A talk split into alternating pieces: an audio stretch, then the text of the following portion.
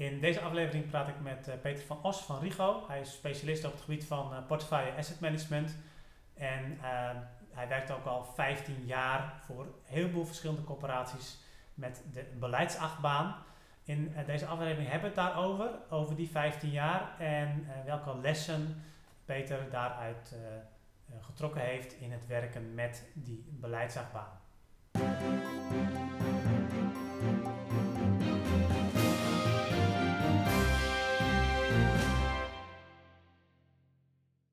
Um, ja, uh, welkom uh, Peter uh, in, in deze podcast of, of, of video-interview, of hoe mm -hmm. mensen het ook maar zien of lezen of horen. Um, om te beginnen, eerst eventjes, kun jij je kort introduceren? Voor de mensen die je nog niet kennen. Kan mij okay. niet, maar... Nou ja, zoals de mensen wel zullen weten, nu uh, inmiddels uh, werk ik uh, bij Rigo sinds 2003, dus al dik 15 jaar als partner. Mm -hmm. ik heb daarvoor 10 jaar bij Mitros gewerkt als, nou ja, je zou nu zeggen portefeuillemanager, et cetera. Maar ik gaf toen ook op een gegeven moment leiding aan, aan projectontwikkelaars. Dat was wel een boeiende combinatie overigens. ja. En daarvoor dik tien jaar in de stadsvernieuwing werkzaam geweest. Dus uh, ik heb wel een uh, lange historie uh, als het gaat om stadsvernieuwing en volkshuisvesting. Ja. bij, Mitro, bij Rigo, ik verspreek me bijna, bij Rigo hou ik mij vooral met corporatiebeleid bezig. op strategisch niveau, maar ook als het gaat om zeg maar het werkveld van asset managers, zoals die nu rondlopen. Ehm, ik doe uh, uh, niet alleen werk voor woningcorporaties, maar ook voor, uh, voor EDES, voor het ministerie als het gaat om volksvervesting. maar ik ben de laatste jaren ook erg betrokken bij het overleg tussen corporaties en gemeenten, zowel op lokaal als regionaal niveau. Mm -hmm. en, daar draag ik veel aan processen bij. En, ja. en, natuurlijk ook de inhoud, want uiteindelijk gaat het allemaal om de inhoud van de volksvervesting. Ja. Ja. ja. Dus dat is een beetje mijn, mijn doopzeel. Ja, je hebt nog proefschrift geschreven in de tussentijd ook, ook dat nog, ja, ja, ja. Ja, dat zou ik bijna vergeten. Ja, dat, is, uh, dat was erg leuk om, uh, om een verdiepingsslag te maken. En uh, het ging over de, de, de, allocatiefunctie bij corporaties. Of laat ik het wat makkelijker zeggen. corporaties die moeten nadenken over waar ze hun geld aan uitgeven. Mm -hmm. En hoe doe je dat dan? hoe breng je in beeld wat nou de meeste maatschappelijke of volkshuisvestelijke meerwaarde heeft? En kan je dat een beetje modelmatig benaderen ook. En uh, dat laatste stond centraal in mijn proefschrift. Uh, ja. Dus ik heb mooie dingen bedacht die, uh, die aan de andere kant ook weer zo ingewikkeld zijn dat het heel lastig is om dat in de praktijk te brengen. ja, nou, ja, het was, wel, was erg leuk om te doen. ja, ja. ja. ja. Nou, heel interessant om, om te lezen ook. En, en wat, wat natuurlijk vanuit Rigo ook 15, al 15 jaar geleden is ontwikkeld, de beleidsachtbaan. Hè, dus ja. Uh, daar heb je natuurlijk heel veel ook mee gewerkt de afgelopen uh, eh, 15 jaar. Zeker. Um, ik zal, uh, voor de mensen die de beleidsachtbaan niet kennen, zal ik nog even een linkje ook opnemen naar de, naar de toelichting daarop. Maar ik denk dat heel veel mensen, ook in de corporatiesector, die werken natuurlijk ook met de beleidsachtbaan. Um, dus, ik, dus ik ben wel heel benieuwd, wat zijn nou jouw, ja, wat zijn nou jouw ervaringen en leerpunten daarmee geweest in die afgelopen 15 jaar? Ja, nou ja, Weet je, er was toen afhankelijk uh, eh, 15 jaar terug uh, heel erg de behoefte om uh, zeg maar het beleidsproces bij corporaties, om te komen tot goed beleid rond je portefeuille en je, en je woningcomplexen. om dat beter te stroomlijnen, dat proces in de vingers te krijgen. Mhm. En ik had toen ik bij Mitros werkte al eigenlijk dat model al een beetje bedacht. Eh, van, het gaat zowel om, eh, om de totale portefeuille waar je, eh, waar je een toekomstig beeld voor moet voor ontwikkelen om daarop te kunnen sturen. En tegelijkertijd gebeurt er van alles in woningcomplexen, assets zou je nu zeggen, waar je in het kader van het portefeuillebeleid rekening mee moet houden. Dus die behoefte was er heel erg. En ik heb de afgelopen 15 jaar mogen meemaken dat eh, dat steeds meer corporaties zich, eh, zich dat gerealiseerd hebben en eh, hebben geprobeerd om dat beleid ook echt in een, in een proces en dan bij voorkeur een jaarcyclus onder te brengen. Mhm. tegelijkertijd zie je ook dat, dat het heel veel moeite kost om dat echt op een professionele manier uit te werken. Wat zijn, wat zijn dan zeg maar, de dingen waar je met name tegenaan loopt als, als corporatie? Wat zijn de, uh, de hete hangijzers of, of de, de, de, grootste struikelblokken daarin? Uh, nou, dat zijn er wel een aantal. Uh, wat opvalt, we hebben, we hebben als RIGO ook jarenlang cursussen gegeven, leergangen gegeven op dat vlak. En elke keer vroegen we weer aan die deelnemers van joh, wat weten jullie nou eigenlijk van financiële sturing? Uh, en uh, doe je daar ook aan op, uh, op complex niveau of nu asset niveau?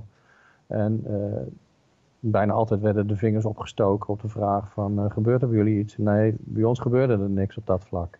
Ja. Dus er was altijd een, een, een, dik stevig schot tussen degene die zich met, met volksvervesting en, en aanverwanten bezig hielden en mensen die aan die harde kant, financiële en technische kant uh, stonden. Ja. Je ziet dat dat schot maar heel uh, langzaam uh, afbrokkelt een beetje. En de introductie van het asset management vond ik wel een hele goede. Omdat de nadruk in één keer heel erg op, op die financiële sturing werd gelegd. En wat er achter is gebleven, dat, dat vind ik ook nog wel steeds opvallend, is dat, dat uh, dat invulling geven aan, aan die volkshuisvestelijke sturing op een manier die, uh, die bijna net zo hard is als, uh, als het geld en, en het vastgoed. Ja. Ja, dat dat een enorme opgave is. en die asset management functie die nu geïntroduceerd is, vind ik, nou ja, dat vind ik een verrijking, omdat, omdat je ook naar die, naar die rendementskant, zou ik maar zeggen, gekeken wordt. Ja. Tegelijkertijd zie je dat er af en toe ook nog wel doorslaan en sneelt die volkshuisvestelijke benadering onder. Ja, en, uh, Hoe breng je daar nou evenwicht? Hoe breng je daar nou balans in? Ik zeg vaak van, hè, van de, de, de financiële mensen moeten meer van beleid weten en de beleidsmensen moeten meer van de financiën weten. Dat is een beetje ook wat jij eigenlijk zegt, van die, dat schot moet weg. Dat schot moet weg en dat is natuurlijk ook wel een lopende discussie over bijvoorbeeld het asset management. Of je, of je daar nou als het ware twee functies van moet maken. Een, een, een, een social manager en een asset manager. Die termen kom je wel eens tegen. Of dat je dat juist moet proberen om dat op de een of andere manier te integreren in de organisatie. Ja. En, uh, hoe doe je dat integreren dan? Hè? Want het hoeft niet per se in één persoon te zijn, maar hoe betrek je die, die functies op elkaar? Ja. Dus dat, dat, is wel een belangrijke uh, ontwikkeling, maar ook nog wel een, een uitdaging uh, als het gaat om. hoe kijk jij daarna? Zou je dat eerder splitsen of eerder in, integreren? Heb je, heb je daar goede ervaringen mee met een van beide? Of? Uh, ja, het is, het is zeker bij, bij grote corporaties bijna niet te doen om het, om het in één functie te combineren. Dus je moet het dan zoeken in uh, samenwerking en uh, veelvuldige communicatie. Uh, ja. Dus dat waren bij die, die mensen bijna bij elkaar op schoot zitten, als het ware. Ja. en in, bij, bij de kleinere corporaties zou ik er vooral voor hebben dat het iemand is eh, die, eh, die in staat is om eh, sturing aan het proces te geven en de disciplines erbij te betrekken die nodig zijn om tot een, tot een uitgebalanceerd oordeel te komen op asset niveau en later ook op portefeuille niveau. Dus dan, dan, dan ligt de nadruk meer op, op de term manager dan, dan datgene wat ervoor staat. Ja, ja, procesmanager zou het moeten zijn vooral. Ja. Maar wel, en zeker ook bij kleine corporaties, wel iemand die die een beetje toch, toch behoorlijk de taal spreekt van zowel de mensen steen als het geld, zeg maar. Ja, uh, ja precies. Dat verhaal. Het is om uiteindelijk gewoon die, te zorgen dat, dat die integraliteit tot, tot stand komt. Ja. Um, en heb je, heb je dan andere uh, dingen waar corporaties tegenaan lopen? Hè? Dus die financiële sturing en die beleidsmatige sturing, het schot daartussen is één ding. Ja. Zijn er andere dingen waar, uh, waarvan jij zegt van ja, daar lopen corporaties dus tegenaan als ze die beleidsachtbaan gaan implementeren? Uh, nou ja, toenemende mate ook het vraagstuk uh, van hoe je het proces intern vormgeeft, maar ook tegelijkertijd het inbed in het externe proces wat moet mm plaatsvinden. De woningwet heeft daar natuurlijk uh, een aantal ja, nieuwe uitgangspunten voor, voor neergezet. En je ziet ook dat huurdersorganisaties, maar ook gemeenten in toenemende mate zich ja, zich, zich bij corporaties melden van uh, past dat ook in wat jullie doen in, in, uh, in de cyclus die wij uh, hanteren? Dat geldt natuurlijk met name voor de gemeente. En uh, ja, de, heel veel gemeenten, steeds meer gemeenten, die, die gaan ook wel op hun strepen staan als het gaat om dat corporaties zich moeten voegen naar het gemeentelijk beleid. En hoe, hoe, hoe vul je dat dan in het proces in? Ja.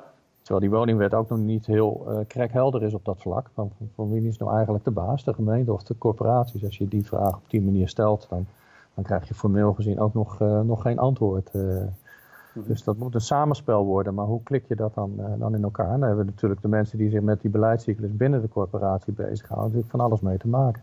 Ja. Dus dat is, dat is een, een opgave. en er komen inhoudelijk ook steeds meer nieuwe opgaven. Dat maakt het natuurlijk hartstikke leuk. je, je bent nooit uitgeleerd als, uh, nee, nee, als portefeuille manager, asset manager. Want nu heb je te maken steeds vaker met, uh, met hele specifieke doelgroepen waar je, waar je in je portefeuille iets voor moet, uh, moet ontwikkelen. Mm -hmm. de, de, last but not least, de, de verduurzamingsopgave die, die, die, die majeur is van omvang en, en complexiteit. En ja. hoe ga je daarmee om in, in je vastgoedsturing? Dus ja. dan blijven zowel aan die proceskant als aan die inhoudelijke kant blijven de uitdagingen eh, bestaan.